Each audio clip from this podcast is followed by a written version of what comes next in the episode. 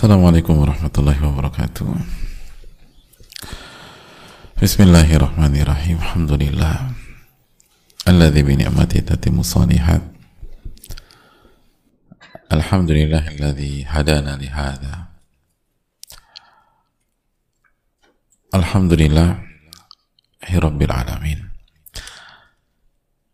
Nahmaduhu wa nasta'inuhu wa nastaghfiruh Wa na'udhu billahi min syururi anfusina ومن سيئات أعمالنا من يهده الله فلا مضل له ومن يضلل فلا هادي له.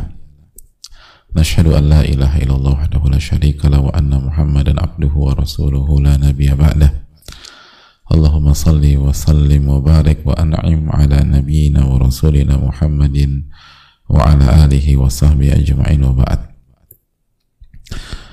Hadirin Allah muliakan, Alhamdulillah kita panjatkan puji dan syukur kita kepada Allah Subhanahu wa taala atas segala nikmat yang Allah limpahkan dan Allah berikan kepada kita. Di antaranya adalah nikmat kembali bertemu dengan ilmu. Nikmat yang tidak bisa kita uh, banding-bandingkan dengan dunia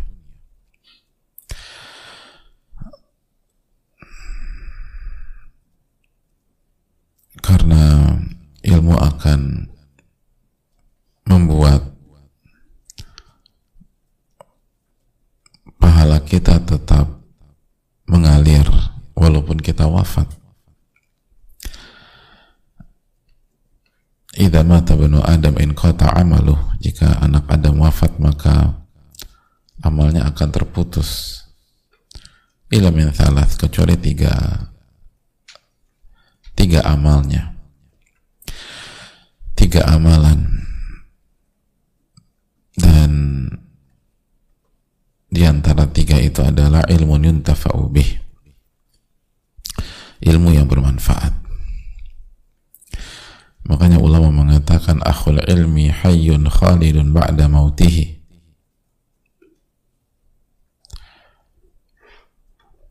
Wa usaluhu tahta turabi ramimu orang yang berilmu itu akan hidup kekal setelah wafatnya.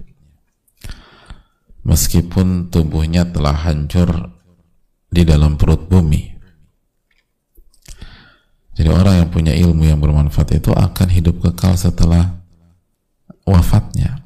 Walaupun tubuhnya telah hancur di, perut, di dalam perut bumi. Artinya pahalanya akan jalan terus manfaatnya akan terasa setelah ia walaupun ia telah wafat.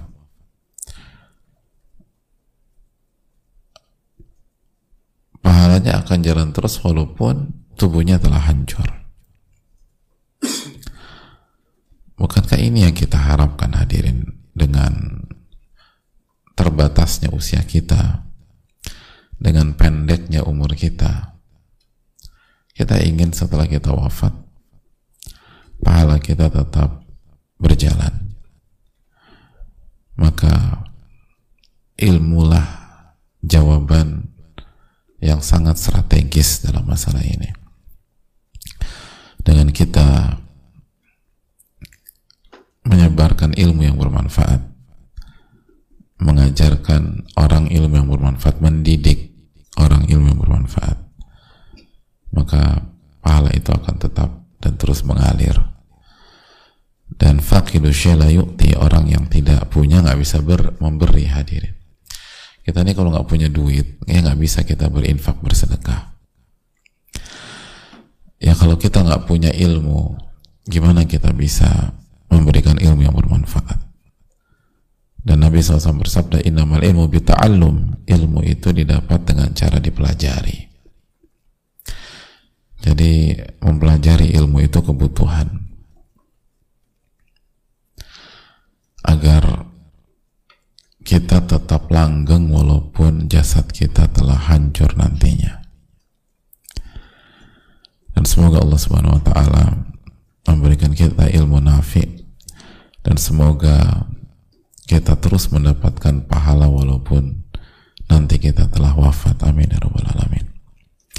Sebagaimana salawat dan salam semoga senantiasa tercurahkan kepada junjungan kita Nabi kita Muhammadin alaihi salatu wassalam beserta para keluarga, para sahabat dan orang-orang yang istiqomah berjalan di bawah naungan sunnah beliau sampai hari kiamat kelak. Hadirin Allah muliakan,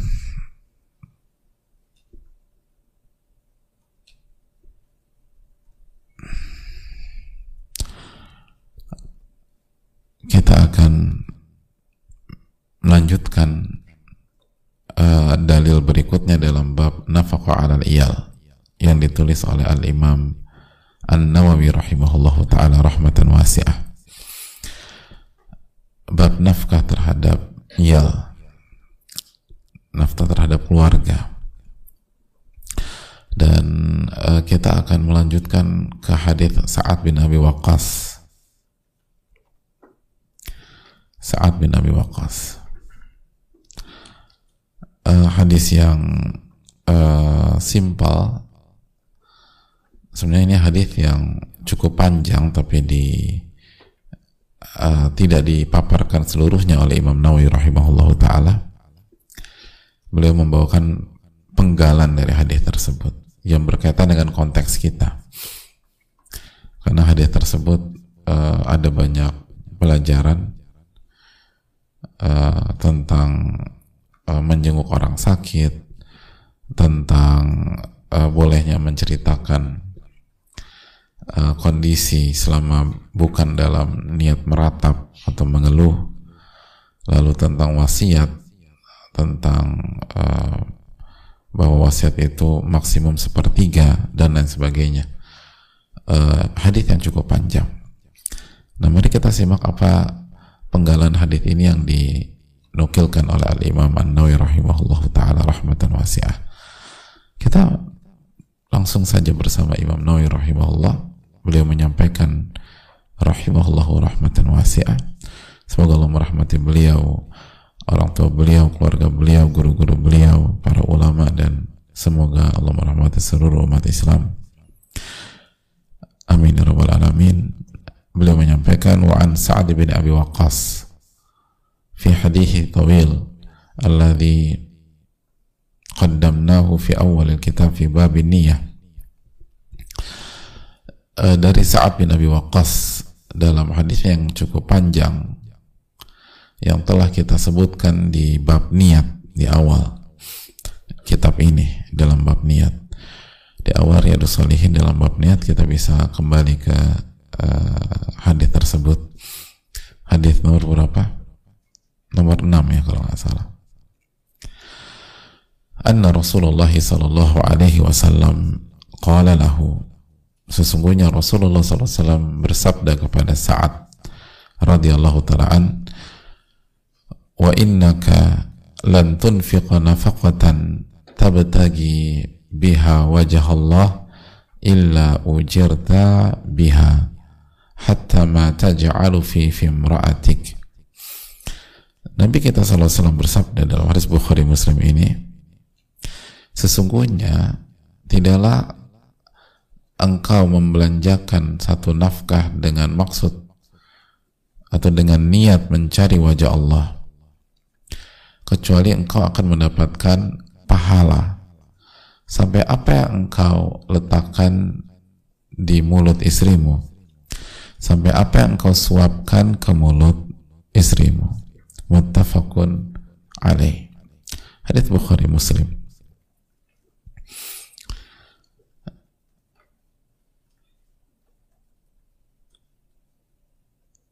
Hadirin Allah muliakan sekali lagi Nabi kita mengatakan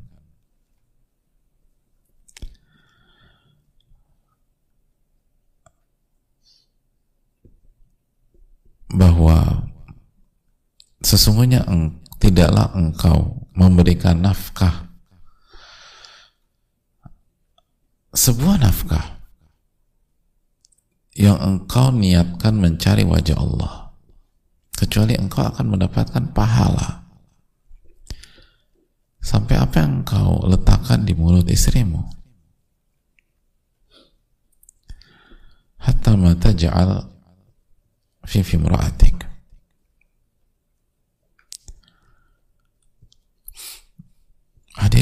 mengerjakan hadis yang atau penggalan hadis yang uh, simpel tapi syarat akan makna. Pelajaran yang kita bisa petik dari hadis ini bahwa yang pertama pentingnya niat. Pentingnya niat. Dalam uh, berbagai aktivitas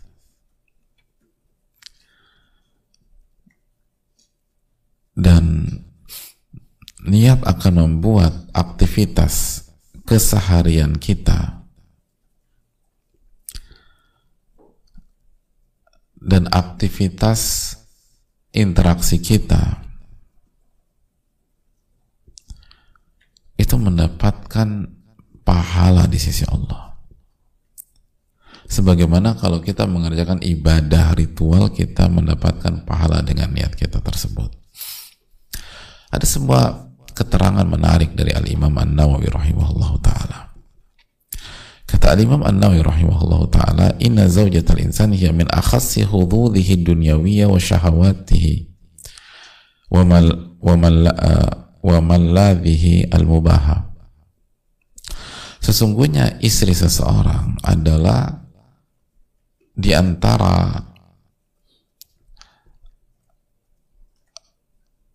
uh, di antara hal-hal dari kenikmatan dunia yang yang yang paling privasi buat seseorang. Jadi istri atau hubungan yang dibangun dengan uh, istri kita adalah hal duniawi yang sangat sangat privasi. Bahkan di antara hal yang paling privasi. Di antara hal yang paling privasi. Dan bukan hanya hal yang paling privasi, tapi yang uh,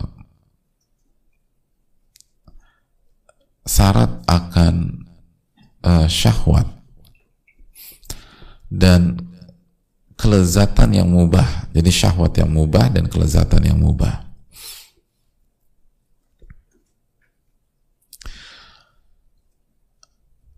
Lalu Imam Nawawi melanjutkan dan menyuapi istri atau memasukkan makanan ke mulut istri secara umum kita lakukan pada kondisi pada kondisi apa hadir? Hmm. Suami kalau nyuapin istri itu pas, pas, pas lagi marah. Gue nggak terima ya sama cara lo pakai nada tinggi pakai logo udah. Eh buka mulut lo, gue suapin. Ada yang begitu? Kan nggak ada. Gitu loh. Kamu tuh apa-apaan sih kayak detektif aja ngikut-ngikutin aku. Aku juga nggak ke mana-mana. Lihat kan aku cuma ke masjid. Sekarang mangap, mangap. Aku suapin. Emang ada yang begitu? Kan nggak ada ya. Makanya kata Imam Nawawi rahimahullah ta'ala menyuapi istri atau masukkan makanan ke dalam mulut istri itu secara umum indal mula'abah ketika sedang apa, sedang hangat-hangatnya dengan istri. Sedang menunjukkan kasih sayang. Sedang uh, santai dan dan akrab gitu loh. Sedang dalam suasana-suasana yang nikmat Lalu kata Imam Nawawi ini menarik, fahadil hala ab'adul asya'ani ta'a wa umuril akhirah. Dan biasanya dalam kondisi seperti ini, kita tuh jaraknya agak jauh dengan ritual-ritual ibadah dan uh, dan nuansa akhirat gitu loh. beda kalau kita uh, ikut kajian kan uh, ada adabnya duduk dan seterusnya. Terus kita ingat gimana uh, suasana di hari kiamat atau ketika kita sholat pada saat kita tawaf atau pada saat kita ke Masjidil Haram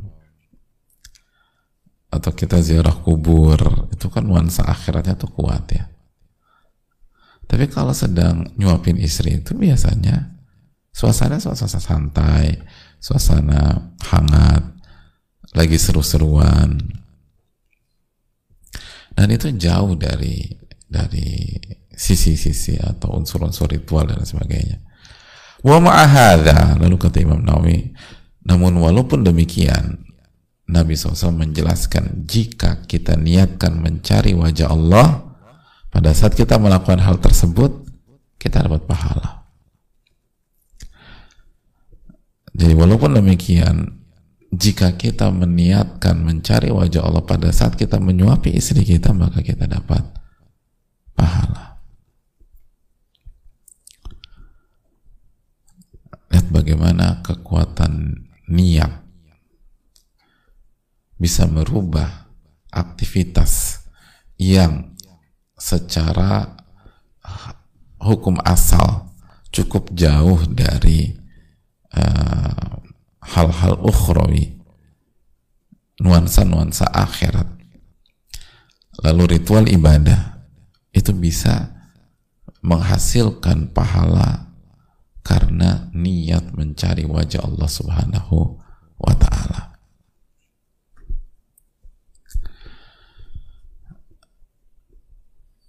Dari sini kita bisa mendapatkan pelajaran mahal bahwa pentingnya niat.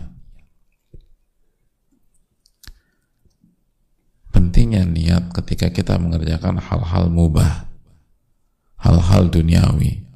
Kita niatkan mencari wajah Allah, kita kita niatkan sebagai sarana beribadah. Maka kita akan mendapatkan pahala. kita akan mendapatkan pahala. Kita akan mendapatkan pahala. Dan ini yang sering kita lupa. Makanya kata para ulama, adatul alim ibadah wa ibadatul jahil adah. Uh, aktivitas sehari-hari orang yang berilmu ya bisa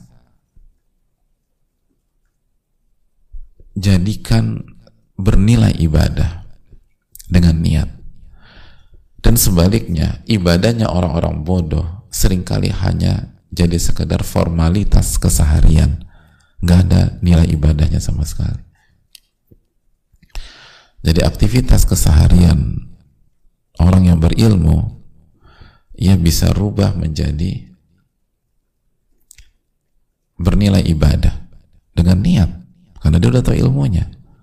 Tapi sebaliknya orang bodoh itu jangankan bicara aktivitas keseharian wong ibadahnya itu bisa jadi nggak ada nilainya apa-apa. Nggak ada nilai apa pun. Kenapa? Karena dia pengen hanya uh, rutinitas formalitas ya, yang penting jalanin. So, udah sholat udah gitu loh. Tapi ketika sholat bahkan dia nggak ada niat sama sekali yang penting udah sholat sholat sholat ya. Dan hambar misalnya sholatnya jadi ini hal besar. Jadi kata Imam kalau aktivitas nyuapin istri aja dapat pahala apalagi yang lain itu poinnya. Kalau kita niatkan karena Allah. Kalau kita niatkan mencari wajah Allah Taala. Jadi ini pelajaran besar bagi uh, bagi uh, kita semua hadirin sekalian.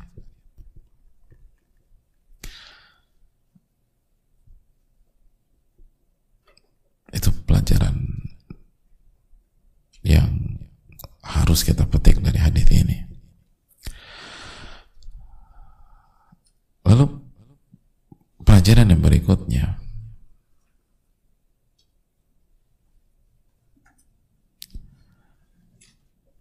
hadis ini memberikan pelajaran bagi kita bahwa sekali lagi ketika kita menafkahi istri atau keluarga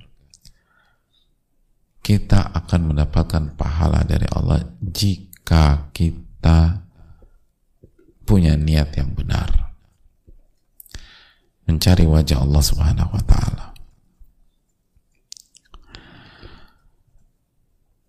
Maka kita akan mendapatkan pahala besar. Dan kita pada saat setiap hari kita mencari nafkah maka setiap hari kita dapat pahala. Karena al-wasail ahkamul maqasid. Sarana hukumnya seperti tuju tujuan. Kaidah mengatakan ma la yatimul wajibu illa bihi fahuwa wajib.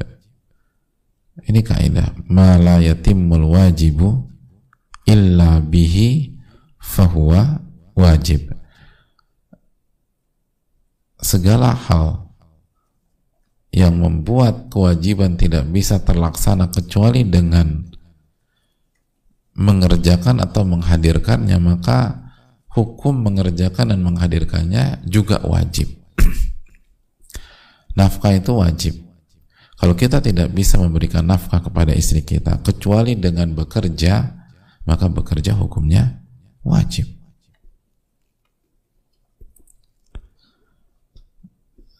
Jadi itu uh, maksudnya.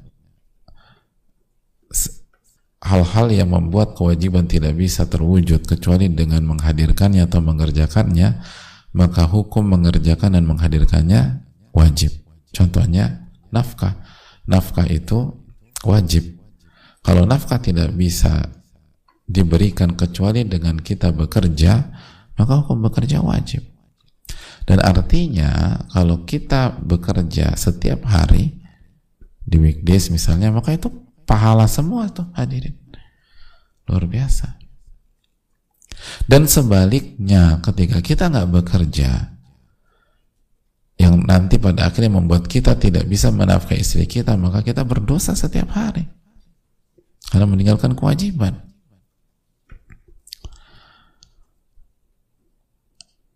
Itu hal yang perlu kita camkan.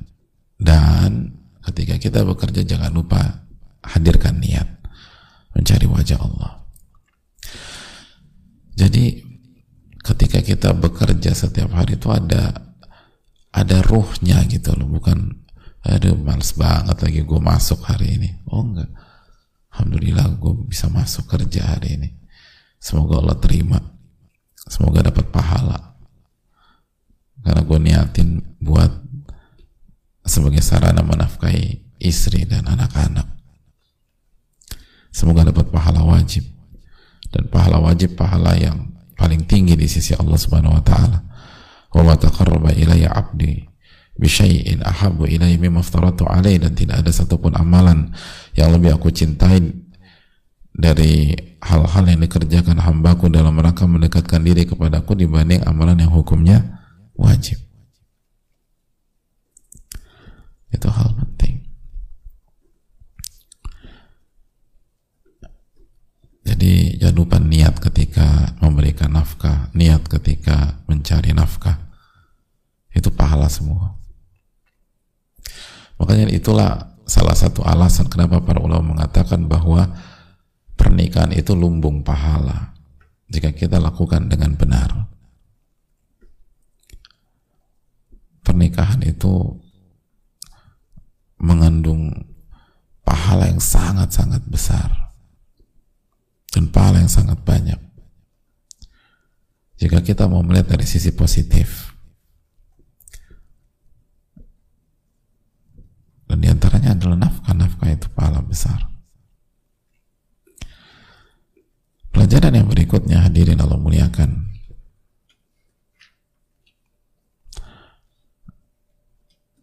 hadis ini menjelaskan kepada kita tentang uh, pentingnya berinteraksi dengan istri dengan cara yang baik. Berinteraksi dengan istri dengan cara yang baik dan salah satu hal yang harus kita lakukan adalah sekali lagi menafkahi menafkahinya.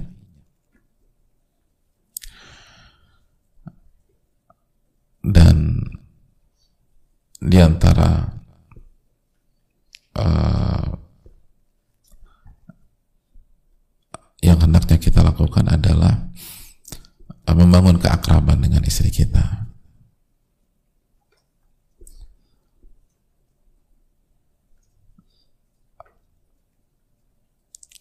Uh, dan di antara hal yang penting juga uh, sama istri itu jangan setiap saat tuh tegang gitulah dia tuh serius terus jadi jangan setiap saat itu serius. Namun ada sisi-sisi yang uh, santai sisi-sisi yang hangat. Waktu-waktu yang uh, benar-benar kita habiskan untuk hal yang ini. Dan dandalnya adalah di sini. Menyuapi istri atau hal-hal yang semakna dengannya hal-hal yang semakna dengan dengannya.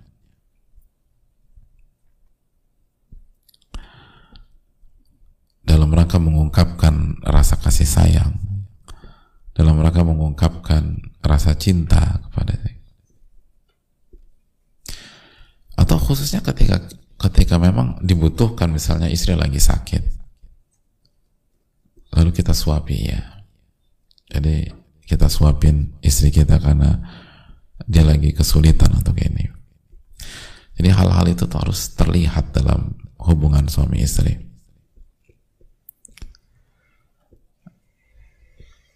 Dan itu semua berpahala kalau kita niatkan mencari wajah Allah. Semuanya berpahala. Jadi menyuapi, lalu berinteraksi dengan hangat, bercanda. Itu kalau kita niatkan dengan tepat, itu semua pahala, pahala, pahala, pahala, pahala, pahala. Dan bukan hanya pahala, kita dapat ketenangan di tas kuno ilaiha agar kalian hidup tenang dengan istri kalian wa ja'ala bainakum mawaddatan dan Allah turunkan rasa cinta dan kasih sayang di tengah-tengah kalian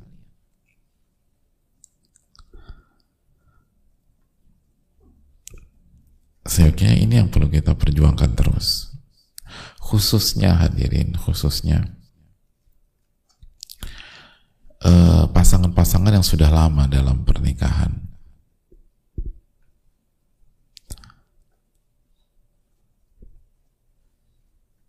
Karena sebagian pihak ketika sudah lama akhirnya udah formalitas aja, rutinitas aja, nggak nggak ada nggak ada emosi positif ketika sama istri, nggak ada keceriaan, nggak ada kecairan gitu, monoton gitu. Apalagi sering kali kalau sudah uh, apa tantangan tersendiri ketika punya anak, apalagi anaknya 15 misalnya gitu. Itu kan uh, eh, PR tersendiri itu.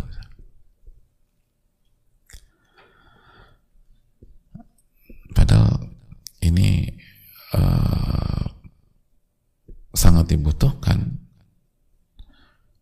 Dan bahkan sering kali semakin lama usia pernikahan seseorang semakin dibutuhkan hal ini. Agar syaitan tidak bermain. Agar syaitan tidak masuk dan mengobrak-abrik bangunan yang telah kita bangun dengan susah payah selama bertahun-tahun.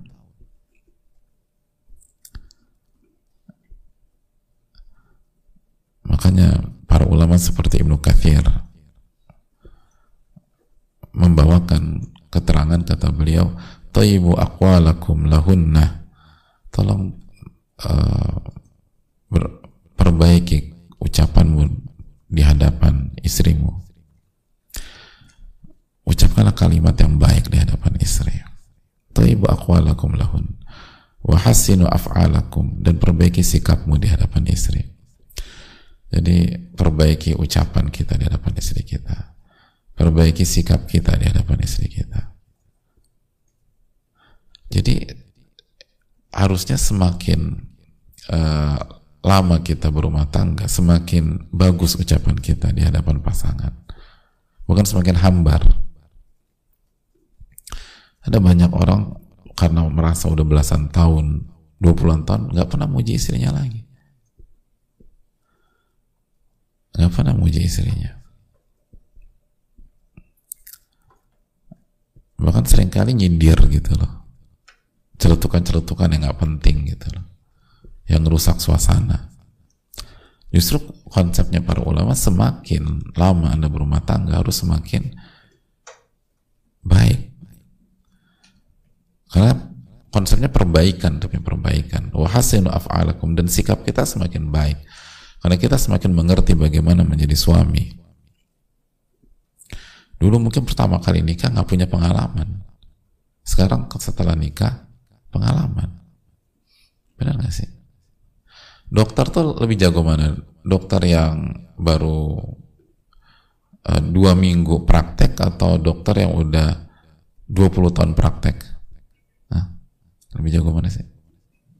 20 tahun ya praktek. Kalau uh, arsitek, arsitek sebulan turun gunung atau udah 25 tahun gitu loh. Hah? 25 tahun itu arsitek. Hmm, driver driver baru dua hari di depan apa di hadapan setir atau udah 20 tahun bawa uh, bus akap gitu. Hah? Lebih jago mana? ah skillnya oke okay. kalau kita sebagai suami lebih oke okay mana skill kita sebagai suami ketika baru-baru nikah atau sekarang hmm. pas baru nikah sering kali ya Allah itu kok kita kenapa antitesis ya padahal kan harusnya Harusnya kan kita semakin menikah semakin jago ya. Sebanyak istighfar kita ini ya Allah. Harus banyak bertakarub kepada Allah Subhanahu wa taala.